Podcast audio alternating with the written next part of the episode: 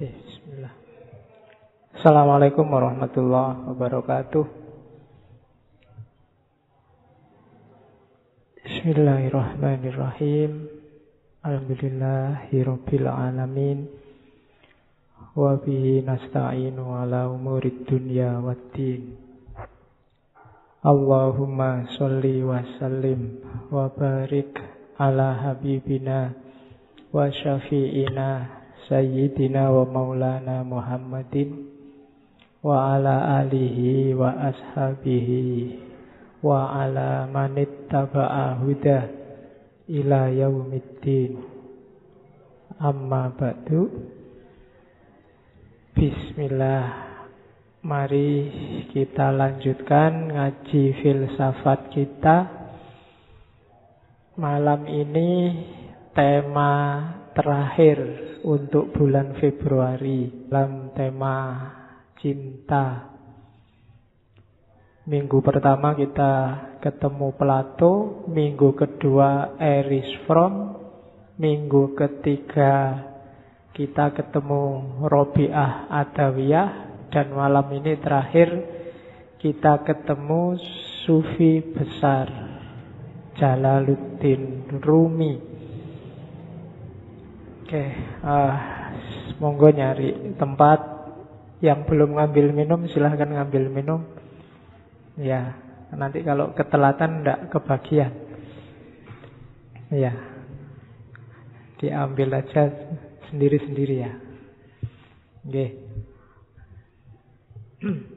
Rumusnya tetap sama untuk ngaji kita. Fokusnya tetap pada pengayaan ilmu. Diharapkan rumusnya kayak Sokrates. Katanya Sokrates, semakin banyak ilmunya, harusnya orang itu semakin baik perilakunya. Tambahnya ilmu harus korelatif dengan semakin baiknya amal. Kenapa begitu? Mungkin teman-teman komplain, kan banyak orang ilmunya banyak tapi juga kurang ajar. Tidak, orang yang ilmunya banyak kok tetap kurang ajar. Itu kalau menurut Socrates dia bukan orang pinter. Karena kalau orang ilmunya banyak, tetap perilakunya tidak bagus. Dia sedang melakukan sesuatu yang bertentangan dengan ilmunya. Dan itu akan menghasilkan hidup yang gelisah, hidup yang galau. Dan hanya orang bodoh yang milih hidup sumpek. Orang yang sudah tahu kalau korupsi itu jahat, merusak, kok tetap korupsi? Itu katanya Socrates orangnya bodoh. Maka visi kita di ngaji ini yang bolak-balik saya sampaikan semakin nambah ilmunya, harusnya semakin baik kelakuannya. Rumusnya itu. Kalau belum, ya diusahakan. Kan cuma itu. Bismillah, kita sekarang masuk ke seorang sufi besar. Asalnya dari Bolh. Kalau ditulisan, tulisannya Balhi daerah Afghanistan dari sekitar abad awal abad 13. Jalaluddin Rumi ini lahirnya 1207 dan nanti meninggalnya tahun 1273.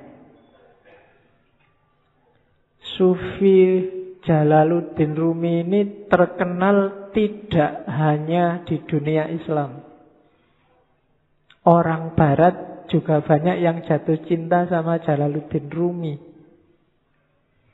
Dulu tahun 2007, waktu PBB, eh 2007 800 tahun peringatannya Rumi, itu UNESCO PBB mencanangkan tahun 2007 adalah tahun Jalaluddin Rumi. Jadi orang barat aja banyak yang jatuh cinta. Padahal kita banyak yang tidak kenal. Sama Jalaluddin Rumi. Jangan-jangan orang luar lebih mengapresiasi. Dan Sejauh yang saya tahu, muka kita umat Islam itu banyak diselamatkan oleh beliau-beliau ini. Stigma-stigma negatif Islam yang teroris, Islam yang ngamuan, itu menjawabnya mudah karena ada orang-orang seperti Jalaluddin Rumi ini. Jadi kalau ada yang ngomong, oh Islam itu ngamuan, oh enggak. Coba dilihat Rumi itu. Kebetulan nama ini diakui. Bahkan Paus Yohanes ke-23 itu menghormati Rumi. Dia bilang, kalau di hadapan Rumi, saya harus tunduk dan patuh. Itu mereka. Dan ya jangan lagi tokoh-tokoh muslim seperti Iqbal, Termasuk juga tokoh Hindu seperti Gandhi itu idolanya juga Rumi.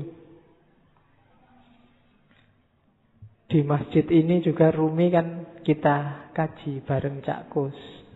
Ya, semoga makanya kok lama sekali ya ngaji filsafat ndak ngangkat-ngangkat Rumi. Loh, tiap sekian minggu kalian kan sudah ketemu Rumi. Cuma karena banyak yang minta ya sudahlah saya angkat di filsafat cintanya. Sebenarnya banyak gagasan-gagasan original dari Rumi cuma malam ini kita ngomong cintanya saja. Rumi ini ayahnya sendiri itu seorang wali, seorang ulama. Gelarnya Sultanul Ulama. Namanya Syekh Bahauddin Walad. Aslinya dari Bah, Afghanistan. Afghanistan zaman dulu itu kan masuk wilayahnya Persia. Cuma waktu Rumi umur tiga tahun, Syekh Bahauddin Walad dan keluarga ini pindah ke Konya. Konya itu di satu daerah namanya Rum. Konya ini masih, kalau hari ini wilayah Turki. Makanya karena tinggalnya di daerah Rum, gelarnya Panggilannya Rumi, asalnya dari Rum. Nama aslinya Jalaluddin. Nanti Jalaluddin Rumi ini sejak kecil sudah pinter.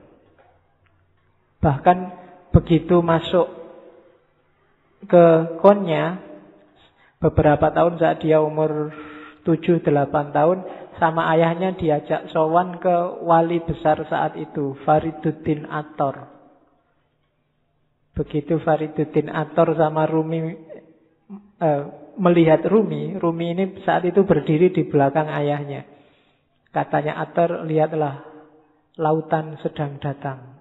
Dan di belakang lautan itu ada samudra.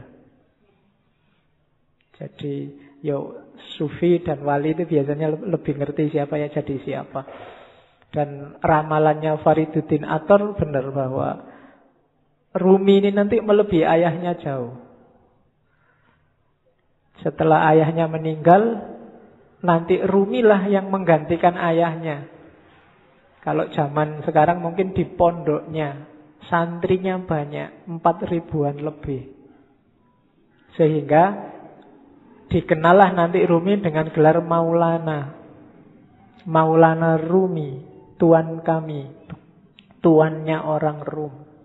Itu karena kepinterannya seorang Rumi. Jadi dia profesor pinter zaman itu. Meskipun nanti ada titik balik kehidupannya yang membuat dia jadi tidak sekedar orang pinter, tapi jadi orang sufi besar. Jadi satu yang, yang bikin titik balik ini nanti ketika dia bertemu gurunya, namanya Samsutabris. Samsudin At-Tabrizi. Ini sufi misterius yang kemarin waktu kita ngaji Sunan Kalijogo kan waktu Sunan Kalijogo mau naik haji ke Mekah terus transit di Malaya di Pulau Upih itu nunggu kapal bergurulah Sunan Kalijogo pada seorang wali yang namanya Syamsutabris. Kalau di Serat Jawa namanya Syekh Sutabrit. Syekh Sutabris ini dimungkinkan ya wali pengembara Samsu Tabris ini meskipun ada beberapa kritik termasuk tidak sinkron tahunnya tapi bisa jadi juga nah, itu Rumi Jatuh cinta luar biasa sama gurunya. Jadi kalian nggak usah heran kalau baca sejarahnya Rumi. Rumi kok sampai segitunya ya sama gurunya. Masa gurunya cowok loh. Ya kan, biasanya sing pikirannya aneh-aneh. Cowok seneng cowok berarti, enggak gitu. Ya, kayak kamu kagum sama gurumu yang kamu anggap luar biasa kan juga kamu saking harapannya, saking senengnya. Dan Rumi ekstase kalau sama gurunya ini. Rumi dapat banyak sekali pelajaran dari Syamsu Tabriz. Dari situlah Rumi kemudian mulai menarik diri dari dunia ramai. Dia mulai zuhud, mulai uzlah. Yang nanti memunculkan fitnah-fitnah, bikin Syamsu Tabriz tidak nyaman di dekat Rumi, terus pergi. Ketika gurunya ini pergi, itu Rumi mengalami semacam depresi semacam stres, ditinggal orang yang paling disayangi. Mulai keluar bakat sastranya, sair-sairnya lahir. Termasuk nanti setelah ditinggal gurunya ini lahirlah tarian paling terkenal yang kita lihat mungkin di masjid ini kemarin waktu burdan kan juga ada. Orang barat menyebutnya whirling dervish sufi berputar yang gambarnya orang muter-muter cepat sekali itu. Jadi itu itu sebenarnya waktu Rumi sumpek suatu ketika dia ke tempatnya seorang muridnya namanya Solahuddin. Solahuddin ini pandai besi. Jadi tukang besi yang biasanya nempa besi itu nah dia merenung di situ termenung Tiba-tiba dia dengar ketukan besi itu yang teng teng yang membentuk oh, apalah kalian saya tidak tahu di Jogja di mana ya nos pandai besi sekarang tidak mungkin nggak populer. Tapi dulu ada tukang besi. Nah lama-lama bunyi ketukan ini di telinganya. Rumi kedengaran kayak bunyi wirid kayak bunyi Allah. Allah. Allah. Terus di setiap ketukannya dan Secara nggak sadar tubuhnya bergerak. Mengikuti irama ketuan besi itu. Dari situ nanti terus dia berputar. Dari situ nanti lahir Wirling Dervis. Yang terkenal dalam torekot yang di apa torekotnya Rumi itu namanya torekot Maulawiyah. Oke, jadi torekot yang dikembangkan sesuai ajaran-ajaran Rumi. Ajaran-ajarannya dirumuskan sama sahabatnya yang namanya Syekh Husamuddin. Kalau Rumi dia nulis beberapa kitab besar yang populer yang kita ngaji di sini sama Cak Kus itu Rubaiyat. Rubaiyat itu 1600 bed syair. Nanti kitab yang dia tulis paling terkenal lagi Diwanu Syamsu Tabriz. Ini pujian-pujian syair tentang gurunya. Syamsu Tabriz. Tentang gurunya juga dia tidak cuma nulis diwan tapi nulis makolatus Tabriz. Dia juga nulis maktubat. Yang paling terkenal dari Rumi secara internasional juga adalah Masnawi. Mas Nawi ini bagi beberapa tokoh disebut Qurannya Persia. Karena ditulis awal pakai bahasa Persia. 25 ribu bait syair. Didiktekan pada sahabatnya Syekh Husamuddin dalam jangka kurang lebih 15 tahun. Meskipun nggak secara kontinu di tahun-tahun terakhir kehidupannya Rumi. Itu untuk menutupi kerinduannya pada gurunya. Syekh Husamuddin ini sahabatnya yang bertugas mencatat sair-sairnya Rumi. Jangan salah, Rumi itu kalau bersair nggak pakai mikir, nggak pakai nulis. Namanya bil bidah. Jadi kayak orang ngomong tiba-tiba keluarnya sair aja. Jadi dia tidak pakai kayak kalian kan bikin puisi garis keliru dicoret dihapus ganti lagi. Kurang indah dihapus. Tidak. Kalau Rumi namanya bil bidah secara langsung. Badihi itu kan langsung. Jadi begitu dia ekstase dia ngomong dan muridnya mencatat. Dari situ lahirlah Mas Nawi yang 25 ribu bed syair. Dan syairnya itu kalau Mas Nawi coba sekali-sekali dibaca. Saya tahu teman-teman akrab tidak ya dengan warisan-warisan semacam ini.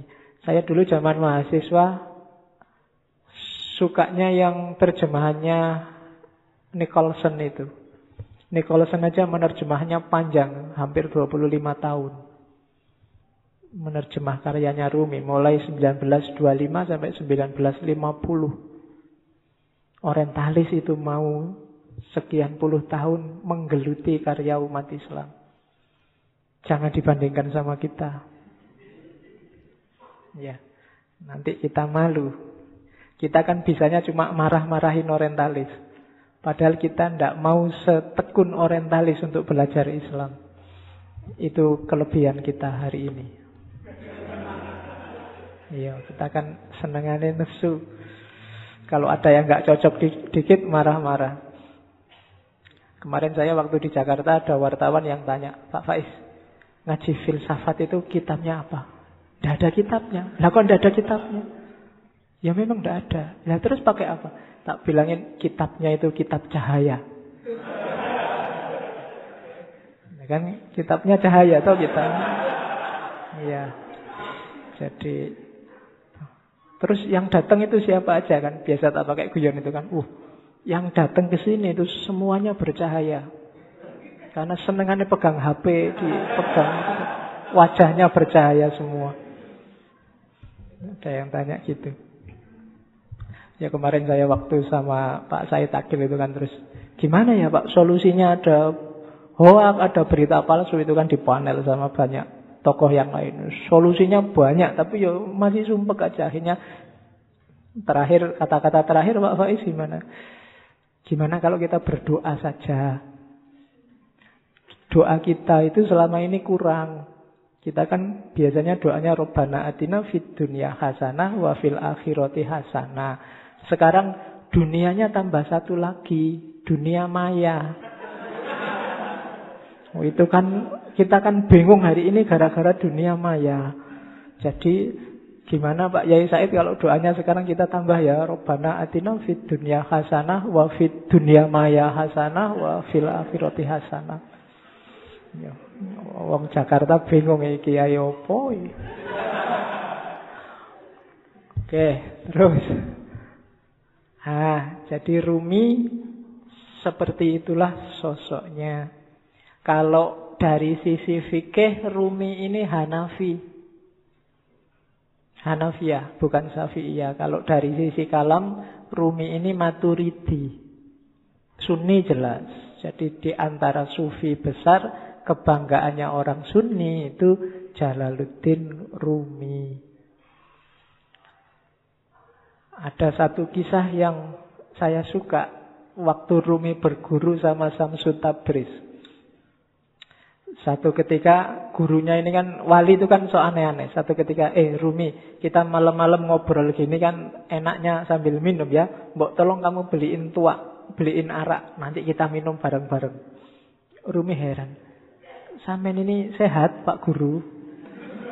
Kan kamu sering gitu hari ini kan. Anda sehat mesti gitu. Ya. Sekarang kan sering kamu disindir gitu kan di WA WA di Facebook kan mesti gitu. Anda sehat, yang paling banyak sekarang Anda muslim mesti gitu. Ya. Kalau yang perempuan gampang jawabnya bukan, saya muslimah. Ah, sama gurunya disuruh beri arak, disuruh beri minum-minuman keras. Kan Rumi, ah, lah gimana guru saya malu nanti kalau ketahuan murid-murid saya ketahuan orang-orang, wong wali kok malah minum-minum. Loh kamu mau apa enggak? Kalau enggak mau ya enggak usah jadi muridku. Yalah terpaksa berangkat. Padahal kedai arak itu ada di perkampungan orang Nasrani. Akhirnya Rumi ya wis gampang lah diatur. Terus dia pakai jubah besar. Habis beli terus dimasukin jubahnya biar nggak ketahuan. Eh kok dilalah orang-orang Nasrani yang ada di situ ngincer ini ngapain Rumi di sini? Eh malah beli minuman keras diikuti dari belakang. Begitu nyampe depan masjid teriak ini orang Nasrani. Eh lihat wali kalian, sufi kalian beli minuman keras. Oh itu orang masjid masa tau nggak percaya awalnya begitu dibuka. Coba lihat di jubahnya Benar ada minuman keras di situ. Wah, wali palsu berarti dipukuli banyak orang Rumi di situ. Saat saat Rumi dipukuli terus gurunya datang Samsu Tabriz. Gurunya bilang, "Eh, eh, kalian salah paham itu bukan minuman keras, itu cuma air putih biasa." Waktu di coba lihat, ternyata benar air putih biasa. Itu sebenarnya pelajaran buat Rumi. Eh, Rumi, kamu membanggakan apa? status, nama besar, kewalian, penghormatan orang lain, apa benar mereka menghargaimu, menganggapmu penting, menganggapmu besar? Wong cuma gara-gara botol kecil ini aja kamu sudah dipukuli. Jadi tidak ada atribut, tidak ada nama, tidak ada kebesaran, tidak ada kebanggaan. Kalau sama orang lain ya manusia itu begitu. Maka jangan menyombongkan nama besar, jangan menyombongkan nama baik. Mungkin di Indonesia dulu ada ulama yang gara-gara nikah lagi, terus orang sa Indonesia marahin dia. Ada kan begitu? Nama besarnya langsung jatuh. Loh itulah rakyat, itulah masyarakat. Kalau kita mengandalkan pendapat masyarakat, kita menjaga nama baik di tengah masyarakat, apa nama itu? Apalagi di era Hari ini kan fitnah, berita bohong berseliweran. Kalau kita andalannya nama baik, besok kamu tak bikinin hoak, namamu langsung jatuh. Maka jangan mikir itu. Tidak usah sibuk dengan orang menganggap aku baik apa enggak. Yang penting lakukanlah, jadilah orang baik.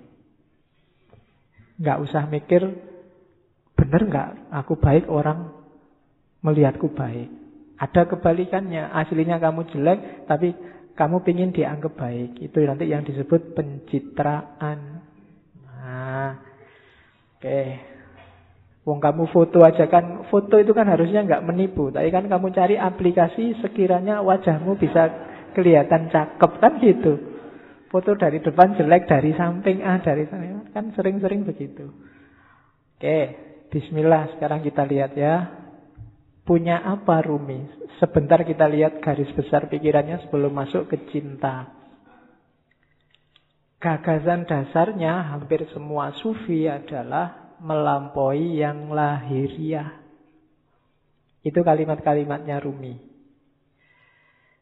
Dari fihi mafihi, fihi mafihi itu salah satu karya Rumi yang tidak puisi.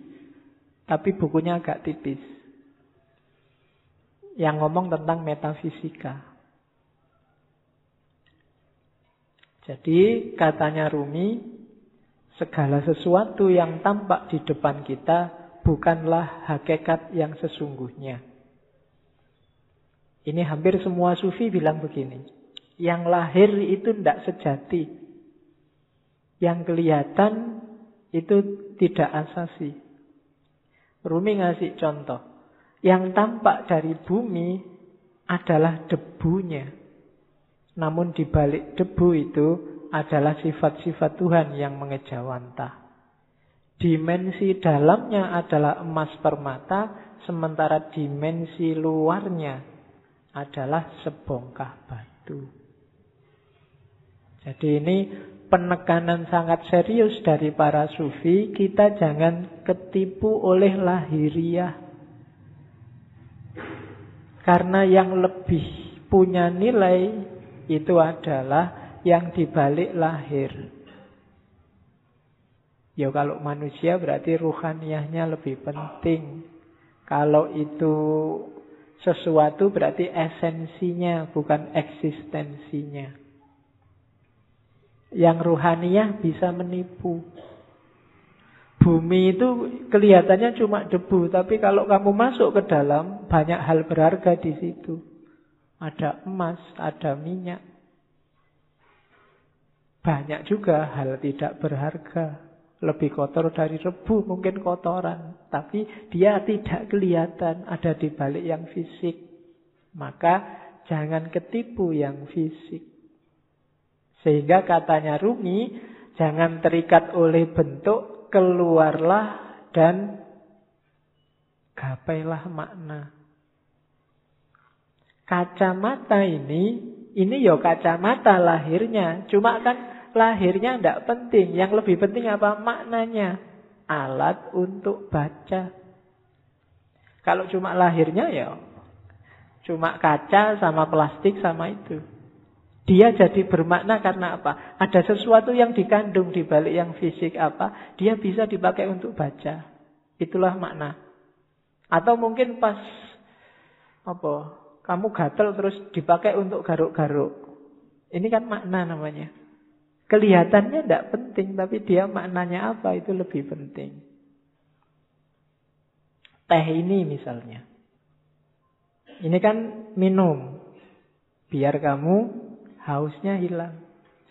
Menghilangkan haus itu makna dibalik barang yang warnanya coklat ini. Itu lebih penting. Jadi haus yang hilang itu lebih penting daripada teh yang warnanya coklat ini. Jadi bukan tehnya, kualitas apa pun teh misalnya, kok tidak bisa menghilangkan haus ya, kamu tidak nganggap penting, mungkin tidak kamu minum. Bismillah ya, dicoba ya menghilangkan haus benar apa. Oke. Tidak usah dijawab. Kamu nunggu aku ngomong menghilangkan haus apa enggak ya? Ya mesti wae, masuk kamu umur berapa baru paham. Kalau teh menghilangkan haus. Oke ya, yang terakhir itu bagus. Hati-hati jangan tertipu. Banyak hal yang kau anggap sebagai penyebab sebenarnya adalah hijab. Ini penting.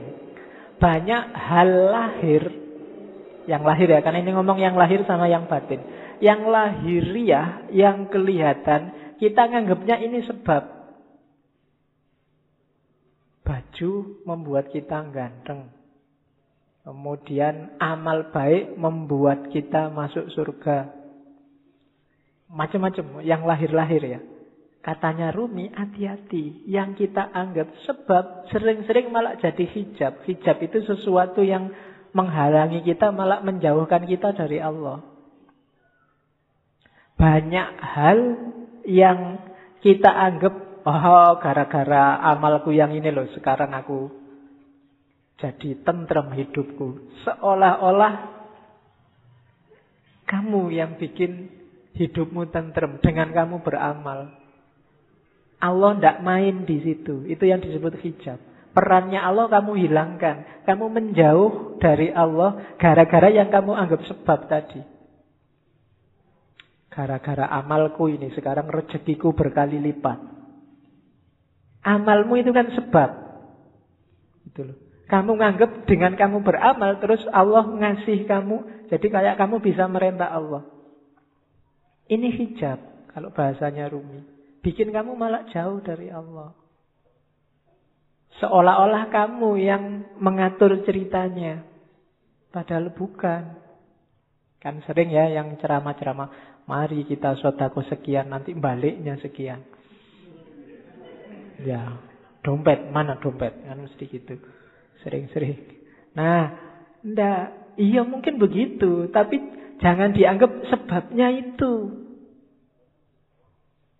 Terserah Allah lah. Misalnya Allah menjanjikan tujuh ribu, terus kamu cuma dikasih lima ribu, apa ya? Kamu bisa komplain.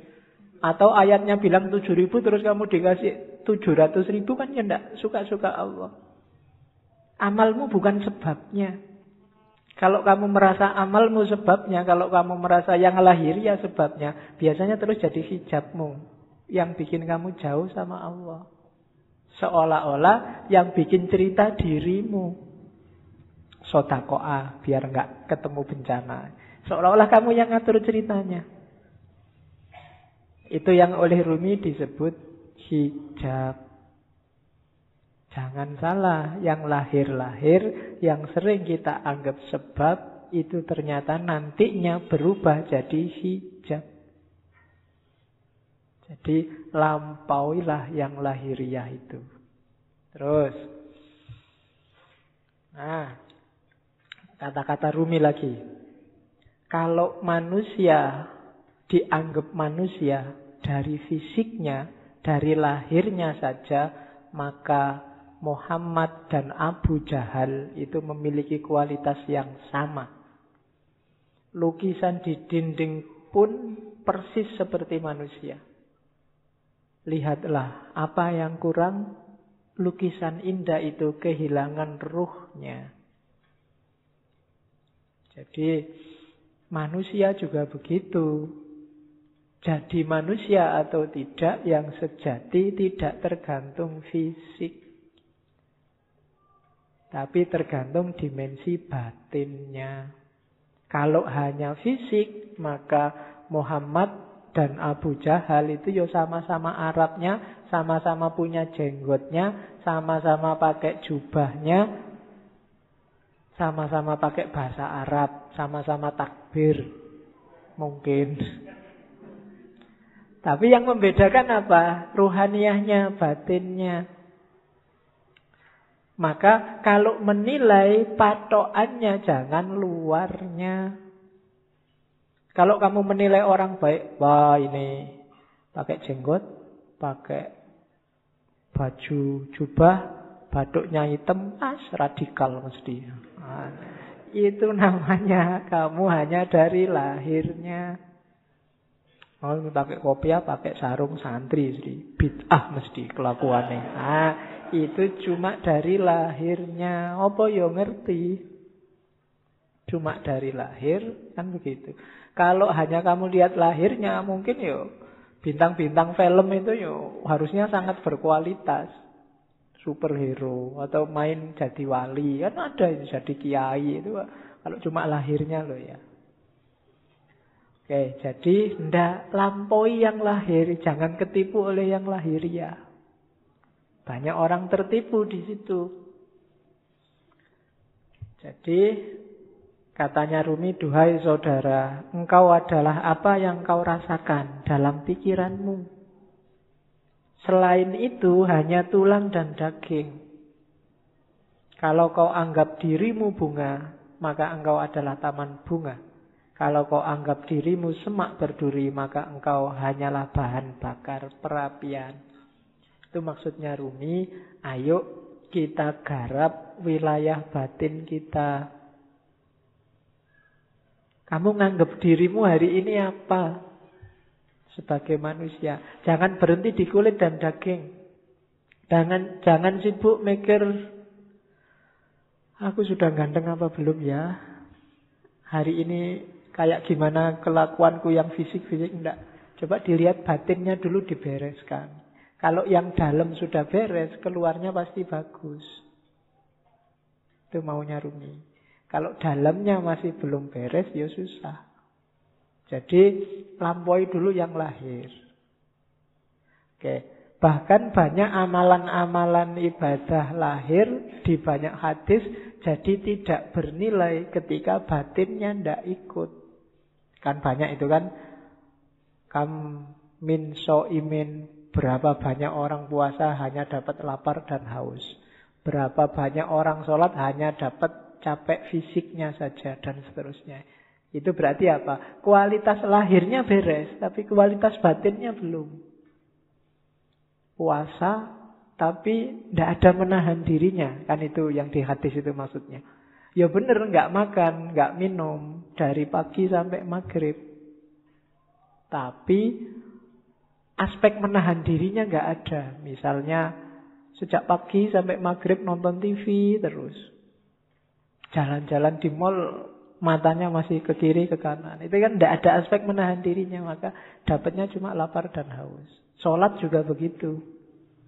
Sholatnya di sini tapi pikirannya di komputer, pikirannya di HP, ada suara tweet-tweet, ada SMS ini mesti ada.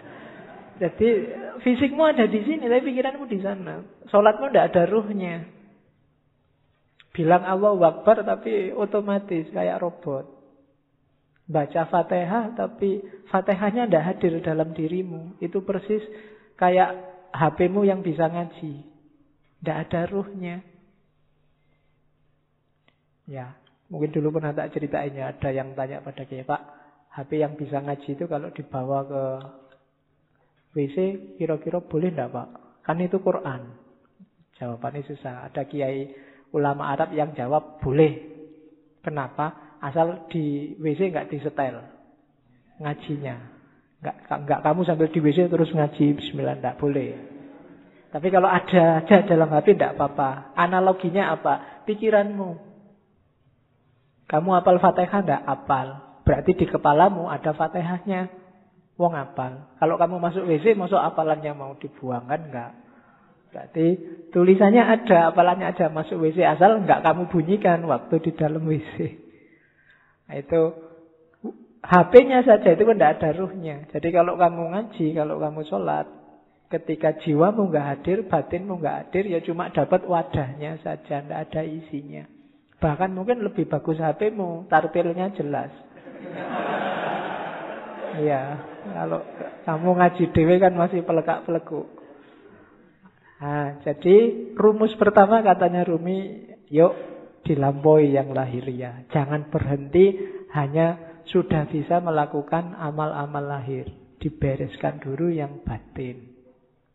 Oke, rumus selanjutnya. Ini sebelum cinta ya, belum biar nanti paham apa maunya Rumi. Ini sama kayak banyak sufi yang lain. Katanya Rumi, manusia ini jagat kecil. Bahasa filsafatnya mikrokosmos. Alam sohir. Alam semesta ini alam kabir. Dalam diri mikrokosmos ada makrokosmos, ada al dalam dirimu terkandung semua unsur-unsur alam semesta. Makanya Al-Quran menyuruh Lihatlah sekelilingmu dan lihatlah dirimu sendiri. Karena dalam diri kita, apa yang ada di alam, dalam diri kita ada. Dalam bentuk mini. Unsur-unsur alam apa saja itu sebenarnya ada. Mineralkah, air, api, udara, tanah, ada semua. Dalam diri kita.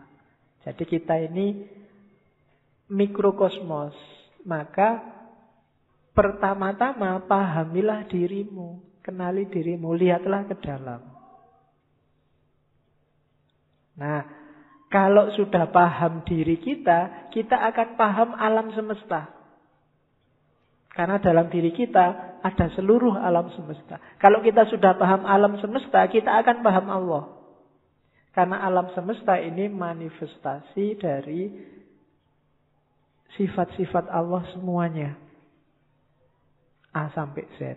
Makanya ada hadis yang bilang man arofa nafsahu fakot arofa robbahu. Barang siapa kenal dirinya, dia akan kenal Tuhannya.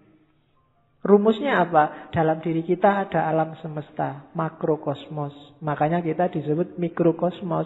Begitu kita paham makrokosmos dan mikrokosmos, kita akan paham tentang Tuhan. Kenapa? Karena alam semesta ini isinya adalah manifestasi dari semua sifat-sifat Tuhan. Tuhan yang penyayang, Tuhan yang pemaaf, Tuhan yang teliti, Tuhan yang maha adil, dan seterusnya. Itu kan ada di alam semesta ini. Keadilannya, sayangnya, dan seterusnya itu kan bisa kita lihat di jagat besar. Termasuk jagat kecil diri kita sendiri. Betapa telitinya Allah misalnya matahari itu kalau lebih dekat 10 cm aja dari bumi, bumi tidak akan kuat, dia akan terbakar dan kalian tidak bisa hidup. Atau dia lebih jauh 10 cm saja. Bumi juga tidak akan ada kehidupan, pasti akan beku. Kok matahari bisa pas begitu? Itu ketelitian Allah. Tidak mungkin nggak sengaja. Ah itu iseng aja, Pak, nggak sengaja. Tidak, itu Allah yang teliti. Tubuhmu kan juga teliti sikunya pas gini, coba sikunya di sini mungkin kamu ya susah. Ya kan? Kenapa yang tumbuh terus rambut ini, rambut ini kok enggak tumbuh terus? Kalau jenggot bisa panjang tapi ini enggak bisa panjang dan seterusnya. Itu kan ketelitian Allah. Dalam alam sohir dan alam kabir, kamu bisa membaca semua tanda itu dan menemukan Allah dan memahami Allah. Maka man arofa nafsahu fakot arofa robbahu. Jadi manusia sebagai mikrokosmos dan makrokosmos. Maka hakikatnya kita dan alam itu levelnya sama. Jangan mengeksploitasi alam, jangan merusak. Itu apa? Karena ini bagian dari kita. Termasuk dengan sesama. Kita dan masyarakat yang lain itu satu. Kita dan alam semesta itu satu. Hanya kita dalam bentuk mini. Oke, saya lanjutkan. Karena malam ini materinya agak banyak. Ini kalimat yang saya suka dari Rumi. Jangan engkau seperti iblis hanya melihat air dan lumpur ketika memandang Adam. Lihatlah di balik lumpur beratus-ratus ribu taman yang indah. Kalimat ini menurut saya penting karena orang Indonesia hari ini cara berpikirnya landasannya adalah suudzon. Nganggap orang lain jelek, khususnya yang berbeda dengan dirinya. Kalau sudah benci, tidak ada baiknya sedikit pun. Itu disindir oleh Rumi. Orang kayak gini, kayak iblis. Yang melihat Adam hanya dari sisi air dan lumpurnya. Tidak melihat bahwa siapa pun itu kalau manusia dibalik yang fisik yang kelihatan. Mungkin yang kurang ajar, yang jahat, yang ada entitas ketuhanan. Ketika di Al-Quran Allah bilang, wa fihi min ruhi. Dan kutiupkan dalam diri manusia itu sebagian dari ruhku. Itu kan ya untuk semua manusia, tidak cuma untuk orang baik saja. Ya orang jahat ya ada ruhnya juga, yang bagian dari Allah. Hanya saja di orang-orang yang jahat, yang jelek ini, ruhnya Allah ini terhijab banyak sekali dia sehingga tidak kelihatan. Sehingga gelap. Tapi dia tetap manusia, harus ditolong. Tidak kayak iblis, dilihat jeleknya saja pokoknya. Nah, yang melihat jeleknya saja itu hanya melihat air dan lumpurnya Adam. Padahal Adam itu punya ribuan, ratusan ribu taman yang indah. Manusia itu indah. Kehidupan manusia juga indah. Ya kita sendiri yang sok-sok merusak. Hmm, dengan nafsunya tentunya ya. Hari ini kita sering jadi iblis. Kita ya, jangan nunjuk orang lain. Biasanya nek wis benci kan terus gak ono api iblis sejahat apa pun orang, pasti ada sisi-sisi tertentu dalam hidupnya yang masih baik. Perampok, pembunuh itu kalau pas dia makan ya, ketika dia makan ini baik, om dia memelihara jasad titipan Allah dalam dirinya. Waktu dia pulang, misalnya punya anak kecil terus dulang anaknya, itu ya baik. Mungkin terus dia mandi, menjaga kebersihan, itu kan juga baik. Mungkin di antara hasil curiannya eman-eman ini sodako sebentar tetanggaku ada yang tidak iki yo apik meskipun barang colongan itu tadi. Malingnya jelek iya. Ngerampoknya jelek tapi banyak sisi yang baik dalam kehidupannya tapi kalau begitu kita benci yang baik-baik ini nggak kita lihat. Sebaliknya kadang-kadang juga begitu kita suka yang jelek-jelek nggak kita lihat. Nah maka yang penting yang pertama jangan kayak iblis ya. Suka benci orang lain. Kalau ada orang tersesat, diingatkan. Kalau dia ngeyel, ya sudah. Kan gitu rumusnya. Ada orang mau ke Jakarta kok jalannya ke timur. Ya jangan dimarahi, jangan dipisu-pisui, dipukuli kurang ajar kamu ke Jakarta kok ke timur kan enggak. Ya mas, Jakarta itu ke barat, sampai kok jalan ke timur. Ya suka-suka saya dong. Ya sudah. Kan gitu aja. Hari ini kan kamu gitu. Ada orang kamu anggap sesat terus kamu marah-marahi, kamu pukuli. Nggak ditunjukkan yang benar gimana. Tunjukkan ya. Tugas kita kan cuma tablet. Sampaikan aja. Kalau nggak diterima ya sudah. Perkara nanti kamu kesasar mau ke Surabaya kok terus nyampe Banyuwangi. Eh mau ke Jakarta nyampe nya Banyuwangi. Ya dinikmati saja. Urusannya dia. Nah, yang penting kita jangan jadi iblis. Kalau ada orang beda, orang kita anggap sesat, terus kita lihat jeleknya saja. Terus, ini penting juga, akal. Rumi termasuk orang yang memposisikan akal tidak sebagai puncak.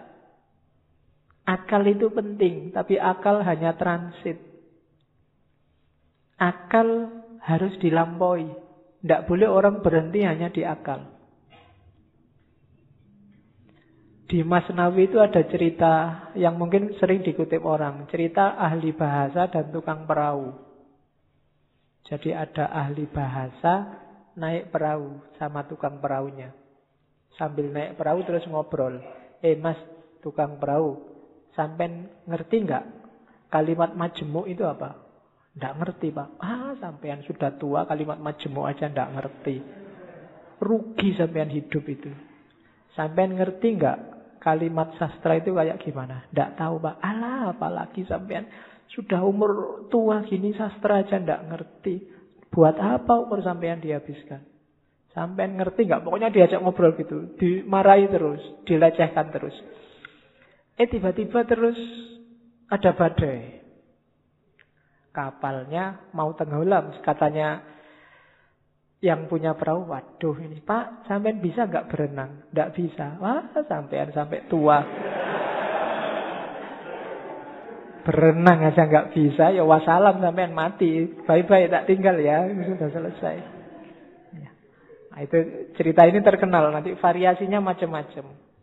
Tapi ini Rumi mau nyindir bahwa ya bolehlah ada orang pinter, tapi sepinter-pinternya orang itu kan sesuai bidangnya. Yang pinter filsafat mungkin tidak ngerti sama sekali tentang fikih. Yang pinter fikih mungkin tidak ngerti tentang kalam. Yang teknik mungkin tidak ngerti tentang kedokteran. Sak jago-jagonya Habibi, kamu tanyain, eh Pak Habibi, ngerti nggak teorinya Ghazali tentang? Tidak ngerti dia. Oh dia ilmunya penerbangan. Jadi, tidak. Maka Orang pinter yang sombong itu janjinya orang bodoh. Sepinter apa, apa sih dia? Ilmunya seluas apa sih? Tidak ada. Orang itu selalu pinternya fakultatif. Sesuai fakultasnya masing-masing. Tidak ada ilmu universal. Makanya tidak ada kuliah di universitas yang ada di fakultas. Universitas cuma mengkoordinir kalau digabung, digabung dari banyak fakultas, jadilah universitas. Kan logikanya begitu. Jadi, cerita ini sebenarnya Romi main nyindir. Sejago-jagonya akalmu hanya bisa menangkap sesuai pengalamanmu masing-masing. Tidak akan lebih dari itu. Tapi saya ngerti dunia luar angkasa loh Pak. Ya, paling kamu pernah baca buku tentang luar angkasa. Kan itu aja. Filsafat saya juga ngerti, matematika juga ngerti. Yang kebetulan kamu ngalami membaca atau ngalami belajar. Yang tidak ya enggak. Sokrates mungkin orang paling pinter tapi sama istrinya urusan nyambel apa urusan bikin sayur itu tetap menang istrinya. Ya kan? Sepinter apa pun Immanuel kan, kalau bannya bocor, kan ada cerita satu ketika Immanuel kan bannya bocor, sadelnya patah. Begitu nyampe di tukang sadel, Immanuel kan ingin nguji yang punya, eh tukang sadel tolong saya dibikinin sadel yang pakai rumus trigonometri plus dua kali dari tukang sadel tidak bisa saya. Kalau sadel biasa bisa, kalau pakai rumus macam-macam tidak bisa. Ya memang beda ilmunya. Jadi yang pertama catatannya akal itu tidak segalanya. Kalau kita hanya bersandar pada akal, maka kita bersandar pada batas pengalaman kita sendiri. Karena sejauh apa pun ilmu kita, ya sebatas yang pernah kita alami. Ilmunya mahasiswa filsafat pasti beda dengan mahasiswa pendidikan. Pasti beda dengan mahasiswa teknik. Itu batasnya akal. Jadi saya bilang tadi akal hanya transit. Katanya Rumi, akal, jasmani, lahiriah ini harus sih cuma Dia bukan tujuan, dia hanya alat transit kita untuk menggapai yang lebih dalam, lebih tinggi. Wilayah ilahiyah. Jadi jangan dihentikan akal untuk akal. Atau kalau fisik misalnya harta untuk harta. Tidak bisa berhenti di situ. Karena hidup kita ini rumusnya adalah inna lillahi wa inna ilaihi roji'un. Dari Allah dan sekarang sedang berjalan menuju Allah lagi. Maka apa pun pengalaman, kalian punya apa pun, ngerti ilmu apa pun, punya harta apa pun, punya kebisaan apa pun, harus dalam rangka mendukung berjalan semakin dekat pada ilaihi roji'un. Termasuk akal. Kita dikasih Allah akal, panca indera, itu sebagai sangu untuk ilaihi roji'un. Jangan sampai tersesat. Bahkan Allah saking sayangnya sama kita, nggak cuma itu. Kita dikasih buku pedomannya langsung, namanya kitab suci. Enggak itu juga karena khawatirnya kita enggak mau baca, kita dikasih nabi juga, dikasih rasul juga. Dalam rangka apa? Biar langkah kita ilaihi roji'un ini pas, enggak keliru. Maka katanya Rumi, akal kita, panca indera kita, apa pun yang kita bisa, yang kita miliki, ini harus jadi jalan, harus kita lampaui menuju ilahi roji'un tadi. Dalam rangka bertemu dan berjumpa sama Allah. Kalau enggak, berarti satu di antara dua. Kalau bukan kesia-siaan yang nanti kita sesali, mungkin juga ketersesatan. Sia-sia itu tidak ada gunanya kita tuas capek. Tersesat itu kita nyeleweng. Jalurnya tidak ilahi roji'un. Kalau Al-Quran bilang yang bisa ilaihi roji'un itu nafas mutmainnah. Ya ayat Tuhan nafsul mutmainnah. Jiwa yang tenang. Maka tugas kita di dunia ini bikin nafas kita mutmainnah. Biar nanti bisa ilaihi roji'un. Bisa kembali dengan mulus, dengan lancar pada Allah. Nah itu akal. Jadi termasuk ngaji ini ya. Ngaji ini tidak boleh bikin semakin jauh dari Allah. Harus bikin paling tidak selangkah kecil lebih dekat sama Allah. Kalau enggak, mending kamu tidak usah ngaji. Kalau ada ya Pak, saya itu ngaji filsafat terus jadi nggak yakin Allah itu ada apa enggak. Wis kamu tidak usah ngaji lah kalau gitu. Kok waktu ditanyain Allah besok kamu nunjuk aku. Ah itu yang ngajari Pak, nanti gitu aku susah aku. Tidak. Pokoknya apa pun harus bikin kamu selangkah lebih dekat. Kuliah juga begitu. Kamu kuliah juga. Target sementaranya sih untuk penyemangat itu kan ya IP lah, pekerjaan lah. Tapi harusnya kuliahmu bikin kamu semakin dekat sama Allah. Makan juga begitu. Tidur juga begitu. Pacaran juga. Ya. Ya jadi kalau punya pacar bilang ke pacarmu, kita komitmen ya, kita pacarannya semakin mendekat ke Allah. Ya, ya diatur sendiri rumusnya, kamu yang ngerti. Ya, kalau mau pegangan tangan, Bismillahirrahmanirrahim. Ya, kalau sudah, Alhamdulillah. Oke, itu maunya Rumi. Jadi apa pun fasilitas yang diberikan Allah pada kita sekarang, manfaatkan itu untuk ilaihi roji'un.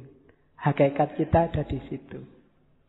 Dan semua yang bikin kita semakin jauh dari ilaihi roji'un, hindarilah. Termasuk mungkin yang casingnya, casing itu kan tampakan luarnya, kelihatannya ini sangat agama deh.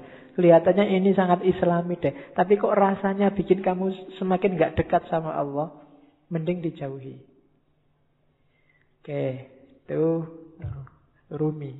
Saya ingin ngomong sedikit tentang ini. Tarian berputar. Darwis. Whirling. Whirling Darwis. Di tarian ini ada beberapa kunci ajarannya Rumi. Ya kalian lihat kemarin di masjid juga ada. Itu ada rumusnya. Mungkin kalian lihat dengan semakin muter semakin cepat, semakin lemah semakin cepat. Ada yang tanya kok enggak pusing ya? Enggak. Ada rumusnya. Kalau pengen enggak pusing, yang pertama waktu muter, kepalanya jangan ikut muter. Jangan ikut geleng, jangan ikut ngangguk. Yang kedua, jangan merem. Kalau merem, ada kecenderungan lebih pusing. Yang ketiga jangan lirak-lirik. Pandangan matanya harus lurus. Jadi yang gerak cuma badannya. Posisi tangan itu penting. Tangan kanan menunjuk ke atas, tangan kiri ke bawah. Ini menjemput, menunggu hidayah dari Allah. Kalau sudah dapat disebarkan ke bawah. Jangan dilek dewe bahasa Jawa nih. Aja dipek dewe. Kalau dapat ilmu banyak, kalau dapat yang penting-penting ya disebarkan. Jangan pelit. Jangan nunggu diundang dan dibayar baru mau ngajar. Hmm, ya. Wong ilmu kamu nggak beli.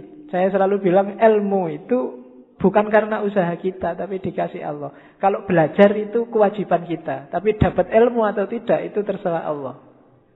Makanya kadang-kadang ada mahasiswa kuliah kok ngantuk. Jangan dimarahi, mungkin memang belum rezekinya dapat ilmu dari dosennya. Jadi ini menjemput hidayah, yang ini menyebarkan. Terus muter. Mutarnya berlawanan dengan jarum jam. Yaitu ada filosofinya. Kayak tawaf itu kan berlawanan dengan jarum jam juga. Ya mungkin filosofinya. Kalau manut jarum jam itu berarti ikut ritmenya dunia. Ikut ritme sehari-hari. Tapi yang spiritual itu ritmenya dibalik. Kita geraknya tidak mendatar tapi ke atas. Saya sering ngasih ilustrasi. Kalau kamu sudah ngemur, mur masang mur itu, kamu muternya kan harus berlawanan dari arah jarum jam, baru murnya lepas ke atas. Tapi begitu kamu searah jarum jam, murnya akan semakin mancep, semakin ke dalam. Maka tarian ini juga muternya berlawanan. Biar ada energi vertikalnya, energi ke atasnya. Itu di antara rahasianya. Ada topinya. Topi ini kalau di Rumi, topi yang tinggi itu, itu isyarat dari kuburan, makam, nisan. Maksudnya apa? Kuburan dari ego, kuburan dari nafsu, hasrat duniawi.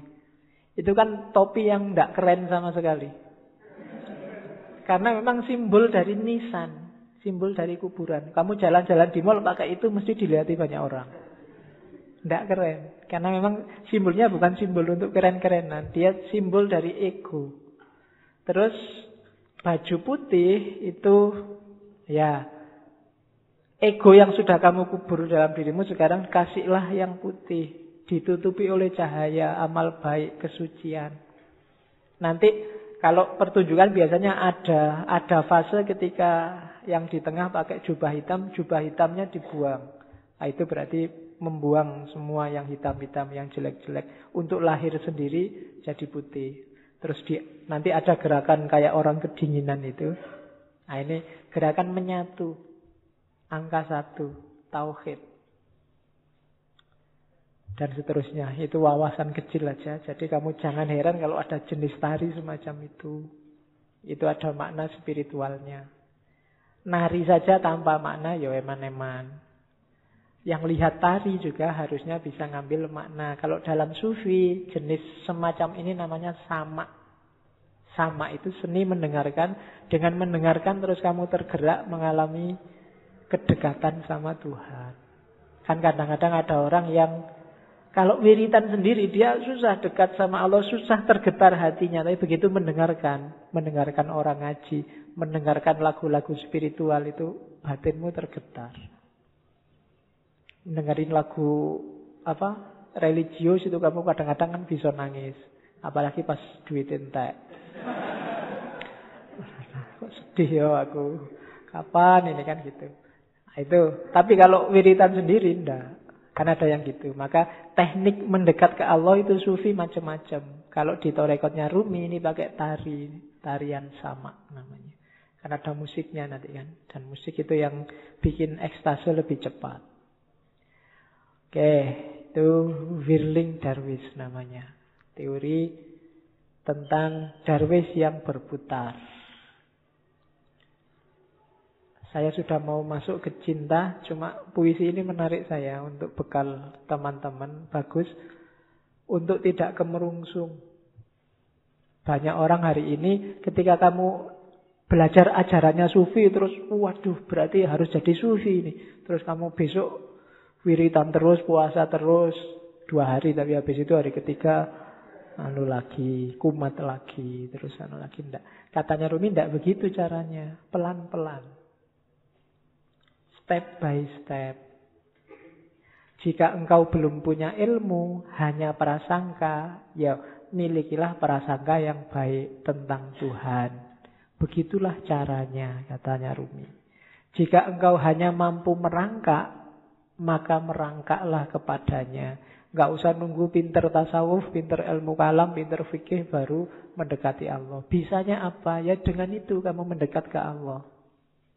Jika engkau belum mampu berdoa dengan kusyuk, tetaplah persembahkan doamu yang kering, munafik, tanpa keyakinan itu. Karena Tuhan dengan rahmatnya akan tetap menerima mata uang palsumu. Tidak apa-apa. Kan banyak kan sekarang doa itu tidak ada rasanya karena kamu sudah hafal. Saking hafalnya kan doa Bismillahirrahmanirrahim Alhamdulillah. Doa itu kan minta. Minta apa? Tidak jelas. Itu mungkin malaikat ya bingung. Kamu itu minta apa? jaluk kok sambil ngeremong sambil kadang yang jarinya sambil berdoa sambil jaluk tenan apa ya? Tapi tidak apa-apa katanya Rumi. Persembahkan saja doamu. Gusti Allah itu maha rahmat. Dengan rahmatnya dia tetap menerima mata uang palsumu. Ya Dulu ada yang tanya ke saya, kenapa doanya orang Islam itu tidak terlalu manjur? Lebih manjur doanya orang Cina. Karena Orang Islam itu pasif kalau doa nunggu ya Allah kasih dong ya Allah. Kalau orang Cina maksa ya Allah turunkan. Jadi akhirnya jatuh semua dari atas. Kamu kan nunggu buahnya jatuh. Kalau orang Cina wah ya, jatuh dari atas. Oke. Jadi tidak apa-apa wis. Berdoa sebisamu. Ya agak palsu-palsu dikit, munafik-munafik dikit. Itu kan kering, munafik, tanpa keyakinan. Keyakinan itu penting loh dalam berdoa. Karena Allah menjawab doamu itu sejauh keyakinanmu. Saya sering bilang kan. Kalau kamu berdoa, ya Allah semoga semester ini saya lulus kumlot. Tapi kamu bisa ndak ya wong itu ya ndak kamu sendiri ragu-ragu ya ora dibales kamu sendiri nggak yakin. Keyakinan itu penting. Pak, saya keyakinannya separuh apa, tidak usah berdoa saja. Ya berdoa saja, jangan khawatir. Allah tahu yang kamu mau. Berdoalah. Allah tetap mengakui meskipun uangmu palsu sama Allah diterima aja tidak apa-apa. Karena Allah sangat sayang sama kita. Jika engkau masih mempunyai seratus keraguan mengenai Tuhan, maka kurangilah menjadi 99 saja. Begitulah caranya wahai pejalan. Jadi kalau kita masih tidak terlalu mantep keimanan kita selama ini masih melanggar-melanggar, masih dusone oke, ya tidak apa-apa. Dikurangi dikit-dikit. Ya 100% tidak mungkin lah ya. Dikurangi satu persen, satu persen. Biar jiwamu terlatih. Kalau langsung dibuang semua insya Allah gagal. Ya, saya langsung ingin ikhlas lillahi ta'ala, tidak ngejar surga, Pak. Ah, tidak iso. Harus pelan-pelan. Terus biarpun telah seratus kali engkau ingkar janji, ayolah datang. Datanglah lagi. Nggak usah malu-malu. Pak, dosa saya banyak, Pak. Saya harus datang lagi, enggak, Pak? Datang lagi aja. Allah tidak akan nolak. Tidak ada kata terlambat. Jadi tempuhlah jalan itu. Pak itu dur banget ya Pak teorinya Pak. Tinggi sekali apa ya saya bisa Pak. Bisa. Pelan-pelan. Sedikit-sedikit. Biar ilaihi rojiunnya sempurna. Eman-eman. Kalau nanti kamu tidak nafasnya tidak mutmainnah. Dilatih pelan-pelan. Pak saya itu susah ikhlas Pak. Kalau sodako mesti pamrih Pak. Ya sementara pamrih dulu tidak apa-apa tapi tetap sodako. Nanti lama-lama latihan. Oke, jadi tempuhlah jalan itu. Jangan ragu-ragu. Jangan nunggu. Biasanya kelemahan yang muda-muda kayak teman-teman nunggu. Nunggu nanti besok kalau tua. Ya. Ya, kalau yang zaman muda ndak, yang tua kelihatannya lebih berat. Memulai dari tua itu susah. Karena orang yang sudah tua itu biasanya sudah keras cara berpikirnya. Kalau bahasa apa? Kalau bahasa psikologinya sudah jadi dia sudah mature sudah mateng. Barang mateng itu satu-satunya yang bisa dilakukan adalah mempertahankan kematangan atau bosok. Apa bosok? Indonesia bosok itu. Iya busuk jadi kalau bisa terus-terusan bertahan di mateng. Kalau tidak ya lama-lama busuk itu apa? Pikirannya tidak laku kalau bahasa filsafatnya out of date, ketinggalan zaman. Dirubah susah. Makanya kadang-kadang orang itu sudah sudah tua umur-umur 30 kok tidak kawin-kawin itu biasanya malah susah, malah lama. Terlanjur matang. Iya. Iya. Peribahasanya, peribahasanya kan begitu. Jodoh di tangan Tuhan tapi umur 30 tahun ke atas Tuhan lepas tangan. Suruh nyari sendiri. Sudah capek Tuhan. Nunggu sampai umur 30 kok nggak kawin-kawin. Oke. Terus. Yuk kita mulai cinta. Panjang ya pengantarnya sebelum cinta. Yang pertama tentang cinta sekarang. Katanya Rumi, cinta itu sifatnya universal karakter yang dimiliki semua orang. Agama apa pun. Dari budaya apa pun. Tidak ada agama, tidak ada budaya, tidak ada peradaban yang tidak menganggap cinta itu luhur dan baik. Semua menganggap cinta itu luhur dan baik. Jadi itu rumus pertama kamu mencintai, itu tidak ada orang anggap kamu jelek. Apa pun. Kecuali yang duniawi. Jadi cinta ini perasaan yang universal. Yang kedua, cinta itu obat. Obat dari kesombongan, obat dari kelemahan, obat dari duka cita. Mengingatkan yang minggu-minggu lalu ya, jadi Cinta itu kan ketika orang berhubungan dengan sesuatu, tapi dia tidak memiliki pamrih apa pun. Selain untuk yang dicintai, ibu ke anak, orang tua ke anak, mungkin kamu dengan sahabatmu, ketika nggak nuntut apa-apa, kepingin yang kamu cintai ini bahagia, baik, unggul, dan Bila perlu kamu berkorban demi kebahagiaannya, demi kebaikannya. Tidak usah ada balasan apa-apa. Kan itu kemarin definisinya cinta. Nah, cinta yang kayak gini, ini melatih jiwa. Yang pertama apa? Jiwa jadi nggak sombong. Jiwa pecinta itu jiwa yang rendah hati. Kenapa? Dia tidak mikir dirinya. Kok kamu merasa pecinta tapi masih sombong? Belum berarti. Perlu latihan lagi. Dan pecinta pasti kuat. Ya kan? Jiwa yang kuat itu kan jiwa yang dia selalu ingin memberi, tidak minta-minta, tidak ingin dibalas. Kalau kamu memberi sesuatu dan masih ingin balasan, berarti belum. Belum cinta. Makanya minggu lalu Robia Adawiyah bahkan bilang, ya Allah kalau aku ibadah ini hanya minta surga, jauhkan aku dari surga. Kalau aku ibadah ini takut dengan neraka, masukkan aja aku ke neraka. Aku tidak butuh surga, tidak butuh neraka. Aku hanya butuh dirimu. Butuh ridhomu.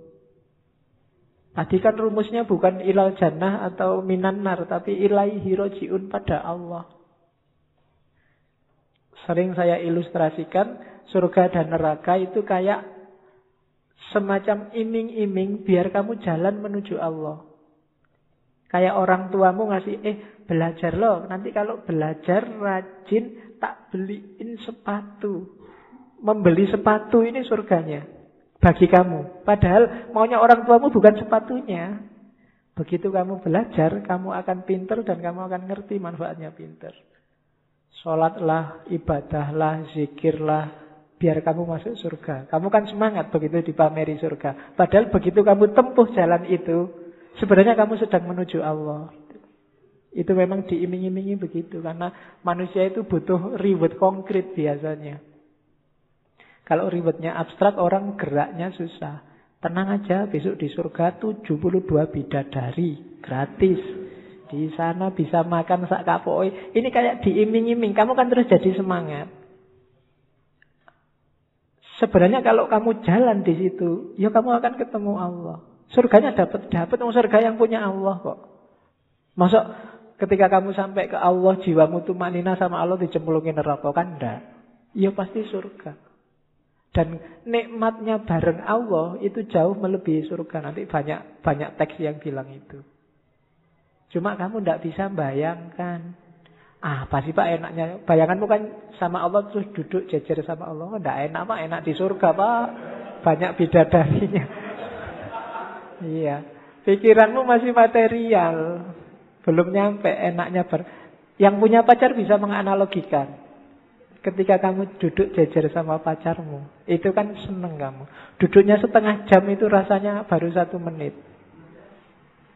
Pinginnya berlama-lama bareng terus. Itu karena, karena sudah cinta. Sama Allah kalau kamu jatuh cinta juga begitu. Kayak Nabi Musa itu loh. Waktu Nabi Musa naik ke Bukit Tursina kan Allah ngajak ngobrol. Eh Musa yang di tanganmu itu apa? Sebenarnya kan jawabannya simpel. Musa tinggal ngomong, ini tongkat ya Allah kan beres. Wong itu memang tongkat. Tapi karena Musa ini suwenengnya disapa oleh Allah, Jawabannya panjang. Ini tongkat ya Allah. Tongkat ini kalau saya pukulkan dia bisa jadi ular. Kalau saya angkat, jawabannya panjang itu. Ya kalau Allah mau bilang, emangnya aku tidak ngerti. Loh, tapi Gusti Allah ngerti dan ya dibiarin aja, ya nggak dimarahin. Kenapa? Karena sudah saling jatuh cinta. Bareng sama Allah itu enak. Kok kamu masih membayangkan belum terbayang pak enaknya bareng sama Allah itu memang berarti kamu belum jatuh cinta sama Allah. Ya latihan jatuh cinta. Orang Jawa punya rumus Trisno jalaran soko kulino. Ayo dikulinakan sama Allah apa dikulinakan itu? Di, dibiasakan akrab sama Allah nanti kamu akan jatuh cinta.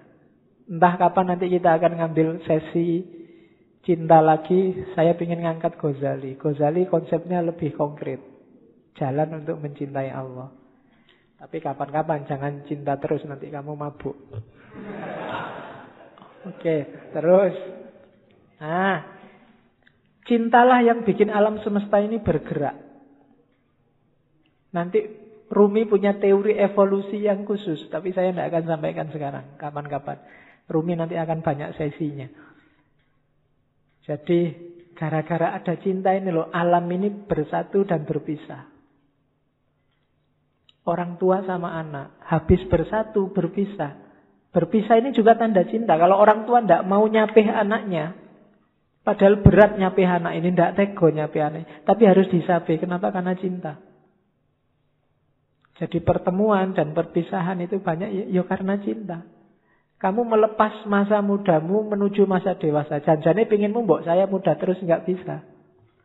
Hidup itu ada ada pertemuan, ada perpisahan dan biar jalannya on the track dasarnya harus cinta. Jadi cinta adalah yang menggerakkan dunia ini. Dan cinta yang bikin kita karakternya kalau bahasa Nyarumi menuhan. Semakin tulus kita cinta pada apa pun, karakter kita akan semakin menuhan. Menuhan itu semakin spiritual. Tidak ada pamrih, tidak ada tujuan-tujuan apa pun selain Allah. Itu yang kalau dalam agama disebut ikhlas. Jadi ciri sejati cinta itu justru ada pada ikhlas. Ikhlas itu kamu beribadah satu-satunya target adalah keridoannya Allah. Makanya Robiah kemarin di hampir semua puisinya selalu bertanyakan, Ya Allah apakah engkau ridho dengan ini? Kalau engkau ridho aku tenang. Sebelum aku yakin engkau ridho, aku ini masih gelisah. Jadi yang dikejar cuma ridhonya Allah. Satu-satunya yang dikejar cuma Allah. Itu namanya ikhlas. Lillahi ta'ala. Tidak karena apa pun.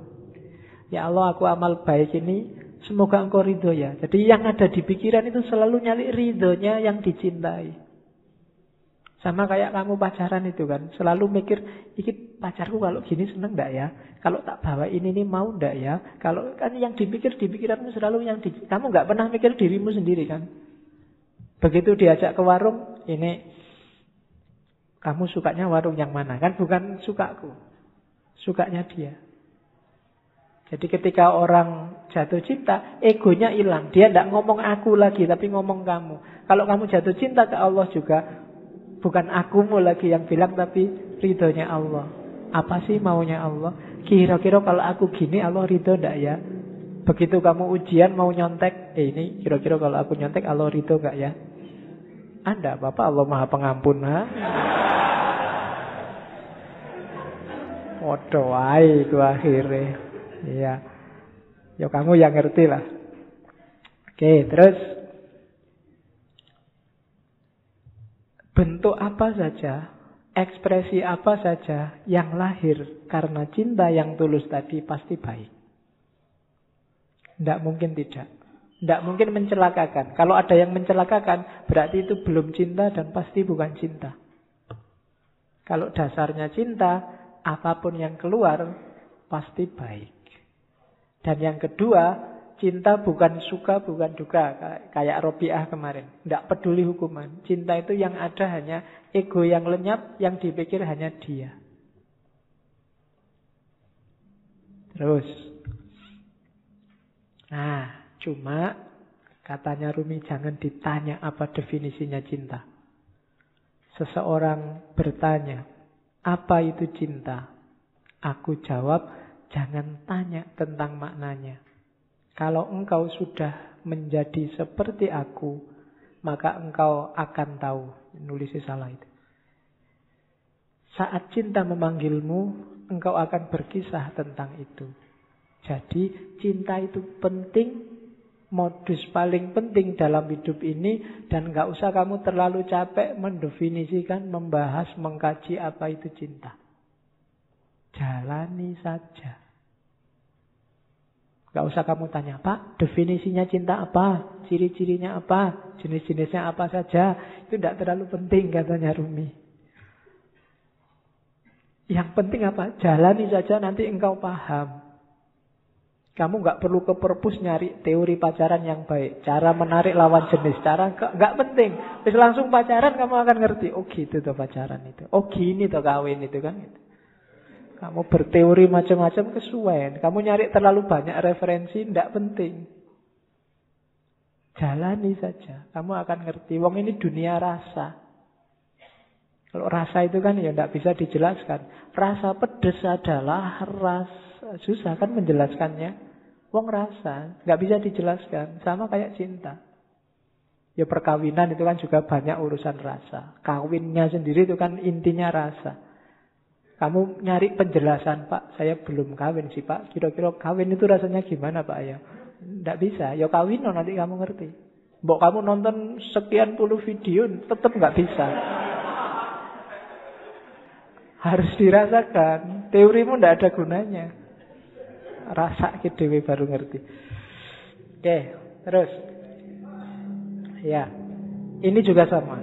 Katanya Rumi, sekalipun cinta telah kuuraikan dan kujelaskan panjang lebar. Ini syair ini diterjemahkan Abdul Hadi WM dan kelihatannya dipakai di film ketika cinta bertasbih dulu. Namun jika cintaku datangi, aku jadi malu pada keteranganku sendiri. Meskipun lidahku telah mampu menguraikan dengan terang namun tanpa lidah, cinta ternyata lebih terang. Sementara pena begitu tergesa-gesa menuliskannya. Kata-kata pecah berkeping-keping begitu sampai pada cinta. Dalam menguraikan cinta, akal terbaring tak berdaya. Bagaikan keledai terbaring dalam lumpur hina. Cinta sendirilah yang menerangkan cinta dan kisah cinta. Nah, itu Rumi. Jadi orang yang bisa berpuisi seperti ini pasti ngalami. Tidak bisa enggak. Sepinter apa pun kamu bikin puisi, kalau belum pernah jatuh cinta bener man, puisimu tidak akan ada rasanya. Mending jangan bikin puisi cinta. Ya, bikin aja puisi-puisi eksploitasi alam itu. Ya kan? Kan banyak puisi eksploitasi alam. Angin berhembus, kemudian ya. Oke. Puisi yang mengeksploitasi alam itu. Oke. Kita lihat. Ini Mas Nawi. Di Mas Nawi, Rumi banyak ngutip ceritanya Laila Majnun untuk menjelaskan cinta. Laila Majnun yang karangannya Nizami. Saya membayangkan entah kapan sesi cinta ada beberapa novel cinta dari dunia sufi ya, bukan dari dunia populer yang bagus untuk kita kaji di ngaji entah kapan. Termasuk Laila Majnun. Jadi satu ketika Majnun ini sakit. Badannya lemah. Terus dia datang ke tabib. Sama tabibnya, oh Majnun, ini untuk biar sakitmu ringan, kamu harus dibedah sedikit, ada bagian tertentu tubuhmu yang darahnya harus dikeluarkan. Majnun, oh, jangan, saya takut. Tabibnya heran. Loh kamu ini gimana sih? Kamu kan sudah lama jadi orang gila. Sudah keluar masuk hutan, ketemu macan, ketemu... Kok takut hanya di bedah kecil aja? Bukan, saya takut Laila terluka. Loh Laila mana yang di bedah itu dirimu, bukan Laila. Loh enggak, di setiap jengkal tubuhku, setiap tetes darahku, itu sudah tercampur oleh Laila. Aku sudah tidak bisa membedakan lagi.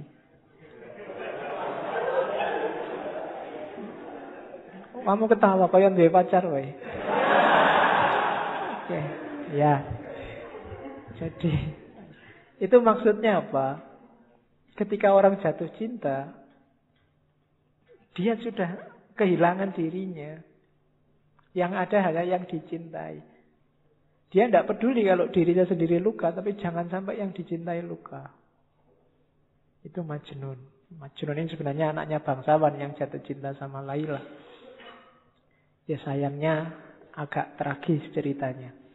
Bagi yang baca Nizami nanti banyak momen-momen ada momen yang menurut saya bagus misalnya ketika Majnun saking pinginnya ketemu Laila yang sudah dinikahi orang lain dan khawatir ketahuan keluarganya Laila karena kalau ketahuan keluarganya lainnya Laila dia bisa diajar.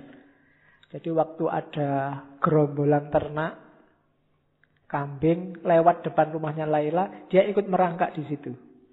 Bareng, hanya sekedar untuk melihat rumahnya Laila. Oke, itu Majnun. Oh, nanti banyak momennya yang bagus dan banyak dipakai oleh Rumi. Cuma Rumi bikin cerita sendiri. Hanya tokohnya Laila sama Majnun. Dengan ilustrasi besarnya cinta Laila sama Majnun. Besarnya cinta Majnun sama Laila. Dan sebaliknya. Jadi Rumi ingin bilang bahwa tanda-tanda bahwa kamu jatuh cinta beneran adalah ketika kamu tidak lagi egois. Tidak lagi mikir keuntunganmu apa. Sama Allah juga begitu. Kalau kamu masih ngitung-ngitung untungnya apa, belum ikhlas sejati. Masih belum tanda-tanda cinta. Orang yang cinta itu disuruh apa aja iya. Dan gak minta balasan. Disuruh sholat duha, iya sholat duha. Disuruh ngaji, iya ngaji. Tidak usah mikir, kalau sholat duha itu nanti rezekinya bisa langsung datang. Tidak usah. Itu berarti masih ngitung-ngitung balesan. Barang siapa membaca surat Al-Waqi'ah setiap malam Jumat, maka itu berarti masih mikir reward, masih dagang sama Allah. Bukan salah, cuma levelnya masih belum level cinta. Kalau level cinta, ngaji ayo, disuruh baca waqiah, ayo tiga kali, tidak apa-apa. Baca Yasin sepuluh kali tidak apa-apa. Tidak mikir kalau sepuluh kali balasannya maka ini. Kalau ini enggak. Kalau kalau masih itu masih dagang. Kalau masih dagang belum cinta. Kalau cinta tidak mikir balasannya apa. Kenapa? Karena kamu sudah melupakan dirimu. Yang kamu ingat hanya yang kamu cintai. Yang penting Allah senang. Allah rela. Waktunya enak-enaknya orang tidur, aku bangun. Kenapa? Allah senang yang kayak gini. Waktunya orang cepat-cepat berangkat kerja, aku sholat dulu. Sholat duha. Kenapa? Allah seneng yang kayak gini. Bukan karena tak sholat dulu nanti biar rezekiku lancar. biar Masih ada reward yang kamu pikir. Masih mikir balasan. Sama kayak kamu traktir pacarmu. Ya sekarang traktir. Tapi nanti harus mau lo ya boncengan. Itu masih mikir reward. Masih mikir, aku cinta padamu tapi kamu cinta padaku juga kan? Kalau enggak ya aku nyari yang lain. Itu berarti belum. Masih dagang, masih negosiasi. Apa salah? Enggak. Cuma levelnya masih belum level cinta. Ketika belum level cinta, ya harus dinaikkan lagi, masih negosiasi, masih masih bukan Allah satu-satunya. Tapi jalannya sudah menuju Allah, tapi ma masih belum ikhlas. Karena ikhlas itu tidak mikir balasan sodakolah seribu, maka akan kembali tujuh ratus ribu karena dilipat gandakan tujuh ratus kali. Ini kalau masih hitung-hitungan itu kesenangan koruptor-koruptor. Koruptor itu saya korupsi satu juta, kemudian tak sodakohkan aja sepuluh juta. Seratus eh, tak korupsi seratus juta, tak sodakohkan sepuluh juta, sepuluh kali tujuh ratus sudah banyak itu pahalanya dosanya sama ininya kalau di total menang ininya, menang pahalanya. Kan korupsinya dosa satu juta, sementara ah, itu hitung-hitungan matematika. Kayak orang habis melakukan kejahatan terus umroh. Karena pahala dosa orang umroh antara dua umroh ini, dosanya diampuni. Jadi sebelum melakukan kejahatan umrohlah, nanti habis melakukan kejahatan umrohlah. Nah itu hilang dosanya karena Dosa di antara dua umroh ini diampuni. Ini masih kalkulasi matematika. Emangnya Allah anak SD. Kamu ajari, kamu abusi dengan itu. Tidak bisa. Jadi levelnya belum cinta, belum ikhlas. Maka katanya Ruminda kayak Majnun dan Laila. Rumi juga ngomong cinta itu kuat. Jangan salah energinya luar biasa. Jadi ya kalimatnya si puitis.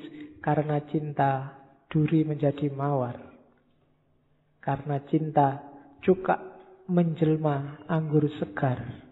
Karena cinta keuntungan menjadi mahkota penawar. Karena cinta kemalangan menjadi keberuntungan. Karena cinta rumah penjara tampak bak kedai mawar. Karena cinta, hamparan debu tampak seperti taman. Karena cinta, api berkobar jadi cahaya yang menyenangkan. Karena cinta, setan berubah menjadi bidadari.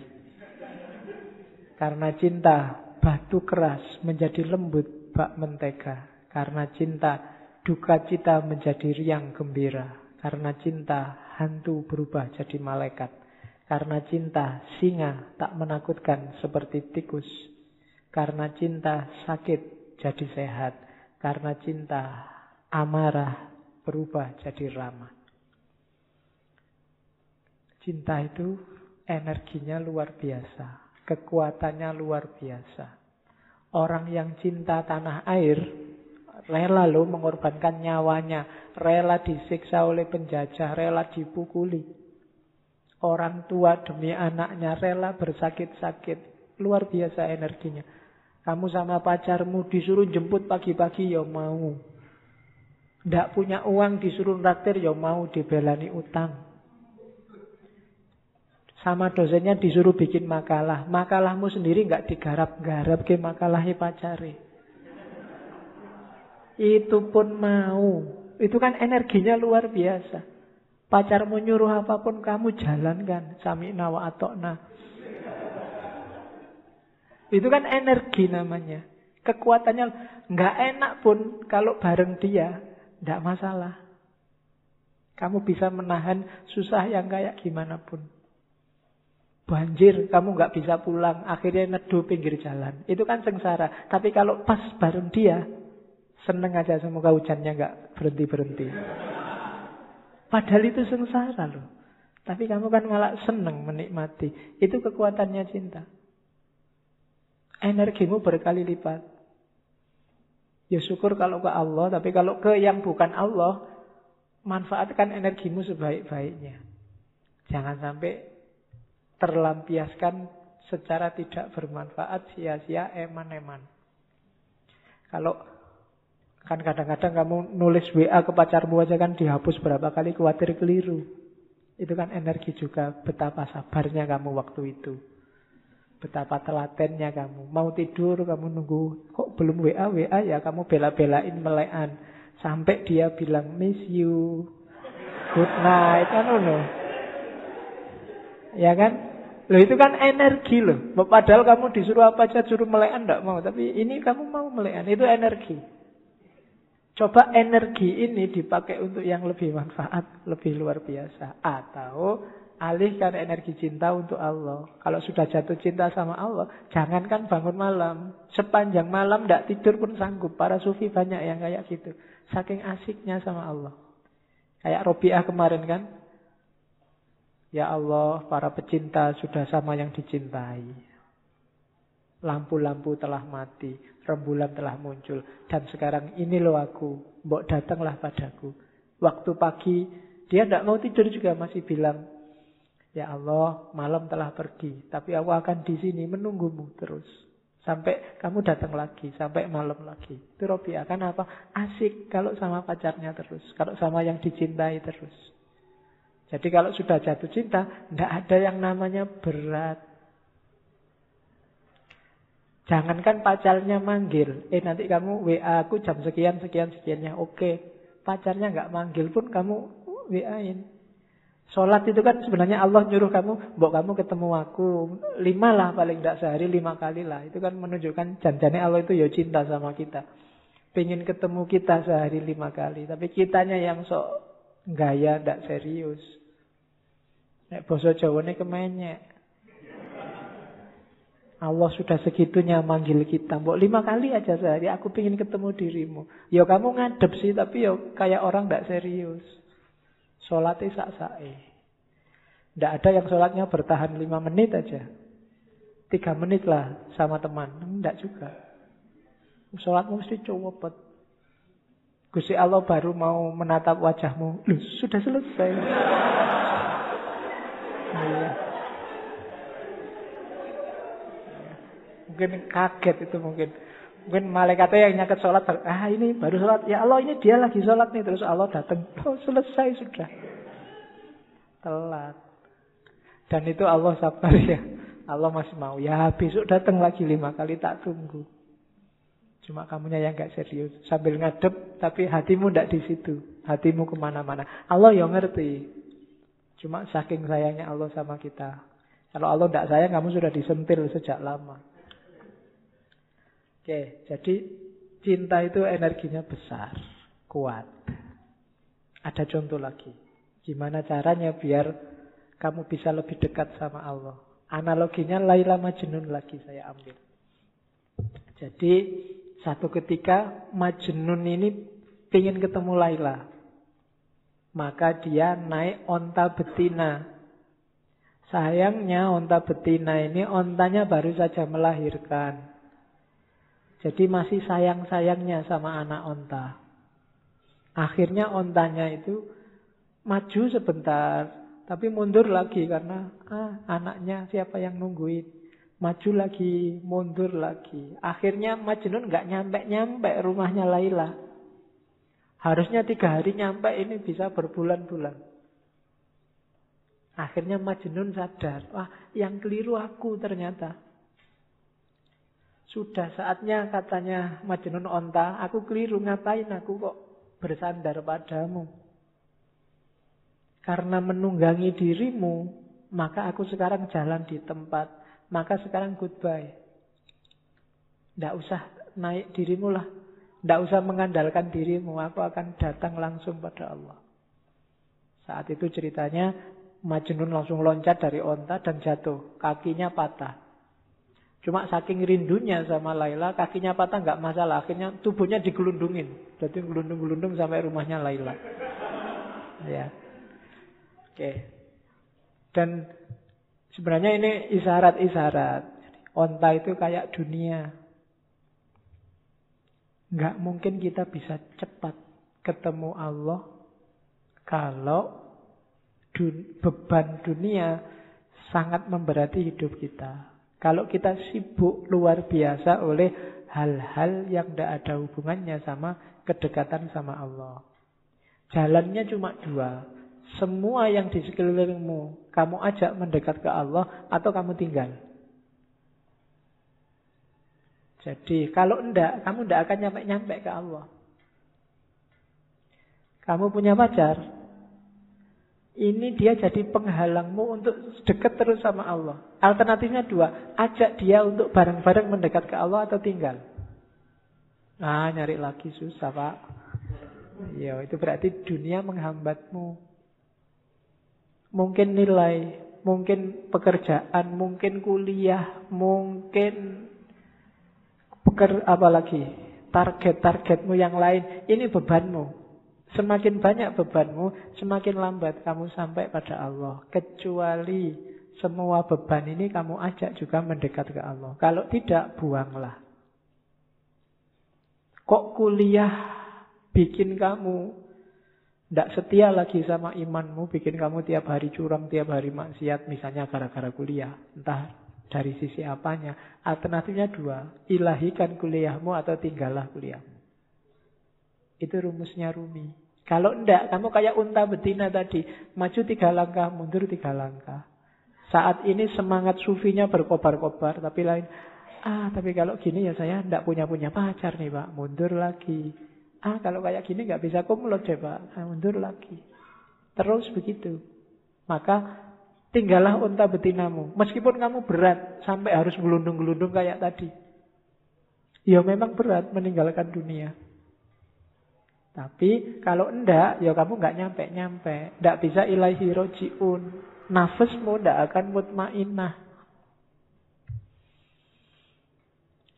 Itu bahasanya Rumi.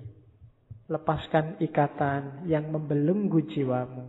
Bebaskan dirimu. Selama ini kamu diperbudak harta. Kilauan emas dan perak membuat matamu tertutup. Kamu ingin memiliki dunia. Kamu ingin mengisi cawanmu dengan seisi lautan. Apa gunanya? Perhatikan tiram. Dia mengisi diri dengan air secukupnya dan dia bisa melahirkan mutiara. Isilah dirimu dengan air kasih. Kasih yang bisa mengobati segala macam penyakit. Kasih yang bisa menaklukkan keangkuhan. Kasih yang bisa memabukkan Musa di atas bukit Sinai. Jadi dunia ya cuma ambil secukupnya saja. Jangan dimabuk oleh dunia, jangan terikat oleh dunia. Contohlah tiram katanya. Tiram itu ngambil air yang paling bagus, dimasukkan dalam dirinya. Nggak usah banyak-banyak secukupnya saja. Pada saatnya air ini akan jadi mutiara. Dunia juga begitu. Ambil secukupnya saja, sebutuhmu saja. Setelah itu jalankan tugasmu yang sejati di dunia ini. Kembali pada Allah. Kalau terlalu banyak, kamu tidak akan kuat berjalan. Jangan tertipu oleh dunia. Jadi maunya Rumi itu.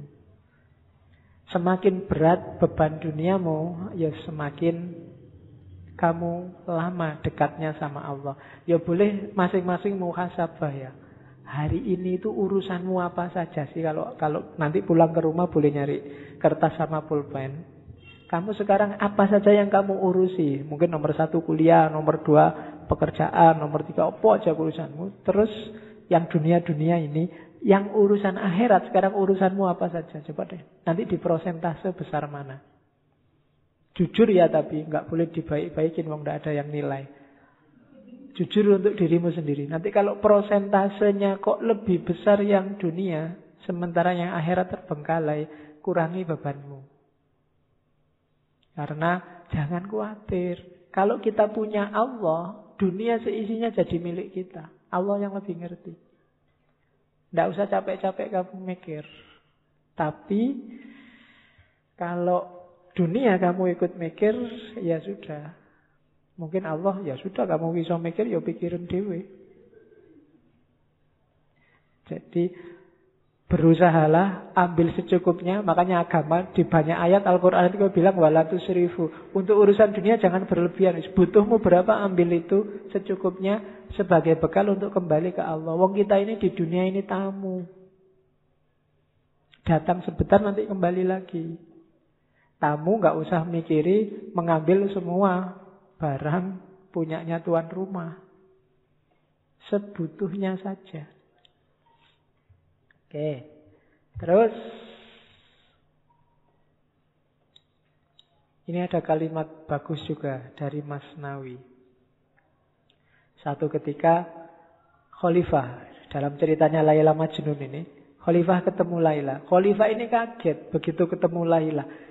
Ini Laila ini wajahnya cuma gini aja loh ya. Cakep banget juga enggak ya perasaan biasa-biasa aja. Yang lebih cakep banyak dibandingkan Laila. Kok Kois al-Majnun, nama aslinya Majnun dan Kois, bisa tergila-gila begitu ya? Terus dia tanya Laila, Khalifah ini tanya, Eh Laila, Kois kok menjadi gila karena kamu? Tidak masuk akal. Apa sih yang dilihat dalam dirimu sehingga ia tergila-gila? Kamu kan bukan wanita yang sangat cantik. Banyak yang lain yang secantik kamu, bahkan melebihimu. Laila menjawab, yang dia lihat tidak terlihat olehmu karena kamu bukan majnun. Ini yang saya maksud rasa. Jadi hanya majnun yang ngerti keindahan Laila. Hanya pecinta yang ngerti keindahan yang dicintai. Itu kadang-kadang kamu protes kan. Ini loh ada anak cuakep nih pacari kok gini ya. gitu kan. Kamu eman-eman. Padahal kamu iri mbok sama aku aja kan. Mana. Tapi ini anak cuakep pacari kok. Waduh. Kamu kan enak. Loh enggak. Itu kalau dia ditanya jawabannya kayak lain-lain nih. Karena engkau bukan dia. Dia yang bisa melihat di mana keistimewaannya kok sampai jatuh cinta? Loh kalau orang pikirannya standar semua yang cakep, semua menganggap cakep, yang jelek semua menganggap jelek ya, yang jelek tidak akan laku. Hanya cakep saja yang laku. Tapi orang melihat yang dicintai dengan perspektifnya sendiri. Karena kamu bukan majnun.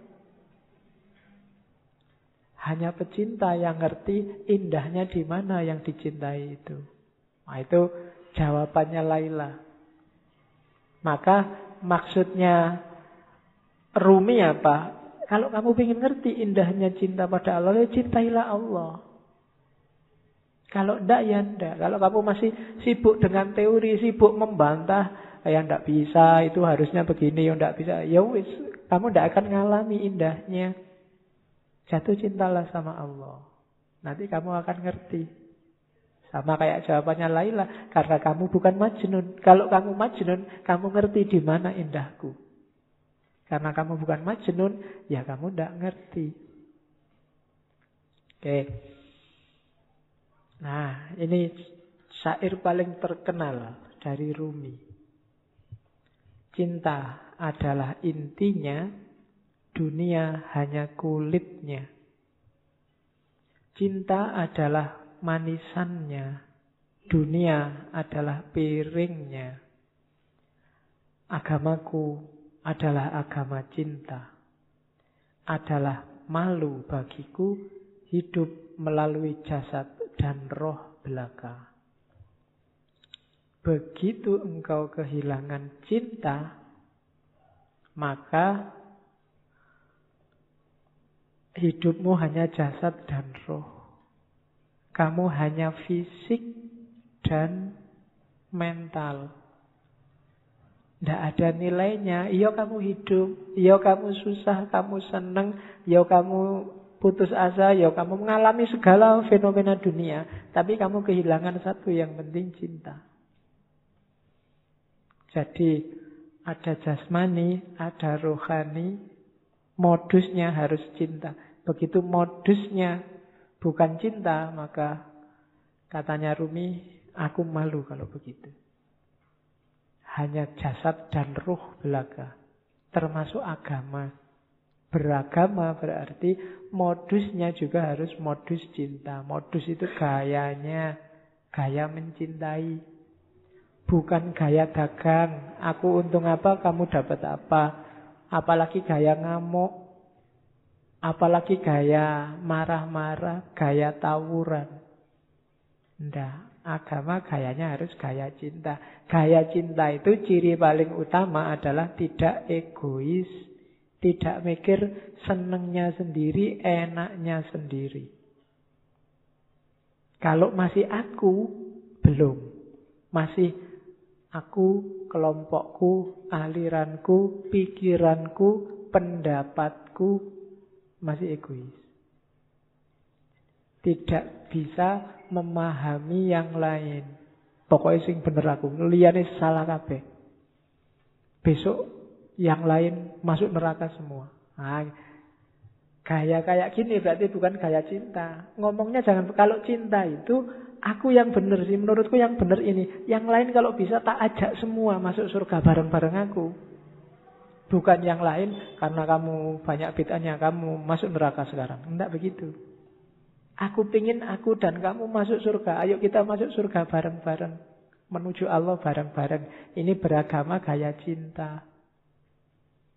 Bukan beragama yang egois. Kalau beragama yang egois itu tinggal jasad dan ruhnya agama. Kehilangan esensinya, kehilangan intinya. Kalimat ini saya sampaikan karena banyak yang jangan-jangan Rumi ini nggak suka syariat, suka.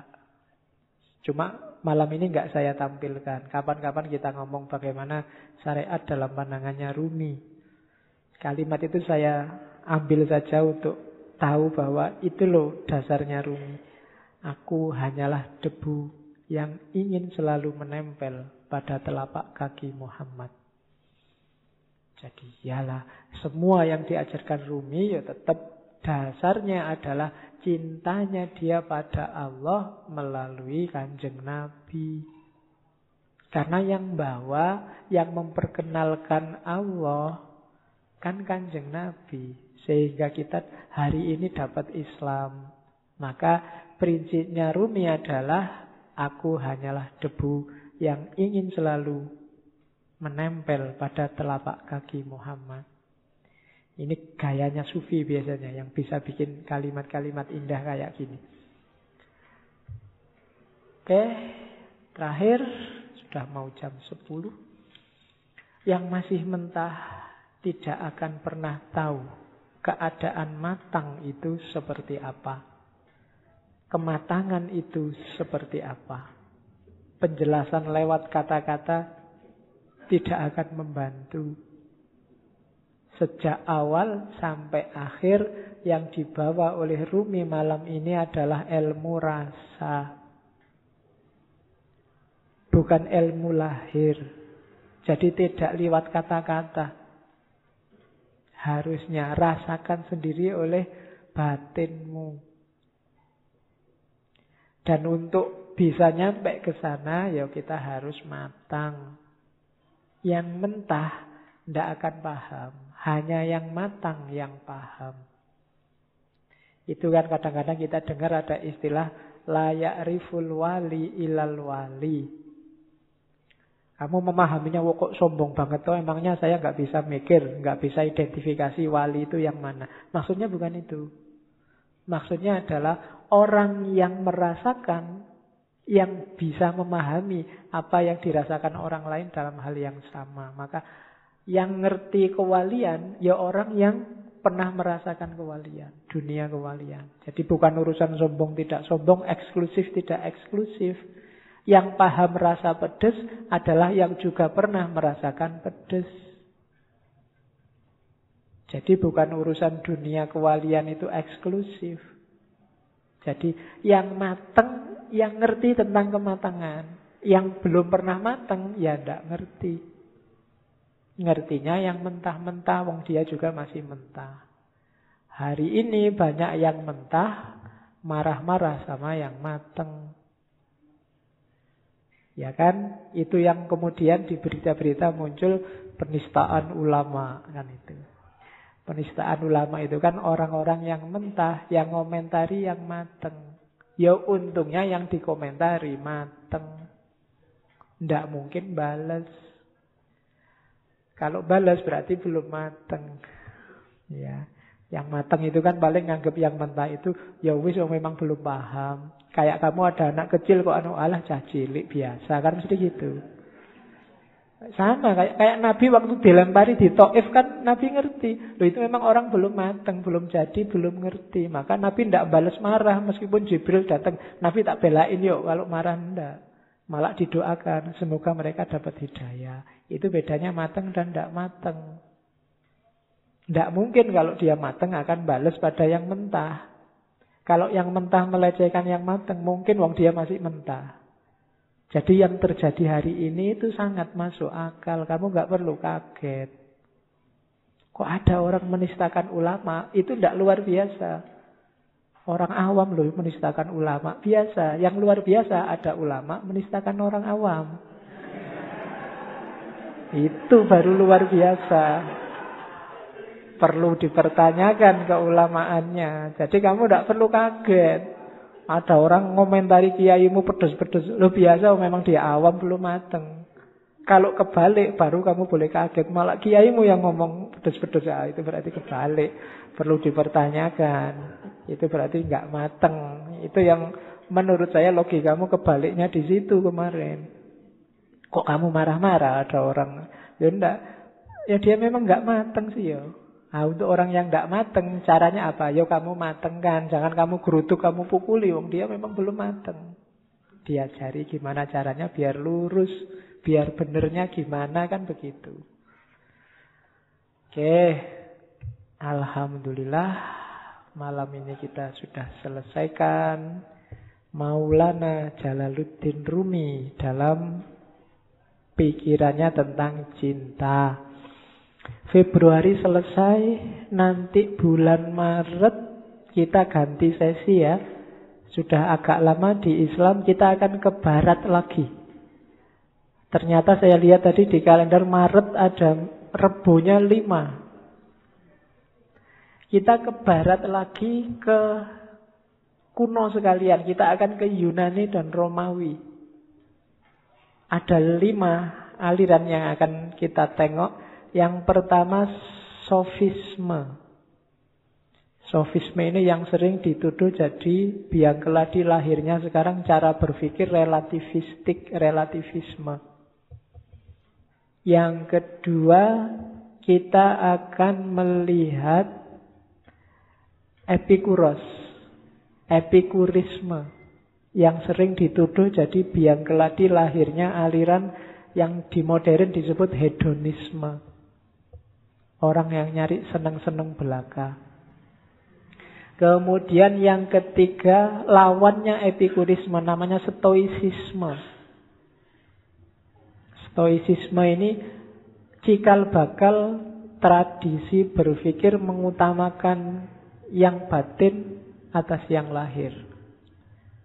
Jadi cikal bakal cara berpikir agak kebatinan. Itu stoisisme, mengutamakan keutamaan batinnya. Kemudian yang keempat sinisisme. Ya, sinisisme itu ya kayak namanya. Cara berpikirnya agak sinis. Kalau ada orang mikir-mikir bulat, biasanya dia dijawab secara simpel. Antitesisnya gaya Sokratik itu sinisisme. Orang-orang yang mikirnya terlalu jelimet. Simple aja toh. Itu nanti kita ketemunya di sinisisme. Dan yang terakhir, neoplatonisme. Dari situ nanti kita dapat akarnya filsafat iluminasi. Gaya barat maupun timur. Jadi satu bulan ke depan kita akan belajar pikiran-pikiran dasar yang nanti berkembang luar biasa baik di era modern maupun postmodern. Oke, saya kira itu kurang lebihnya mohon maaf. Wallahul muwafiq wallahu a'lam bissawab. Wassalamualaikum warahmatullahi wabarakatuh.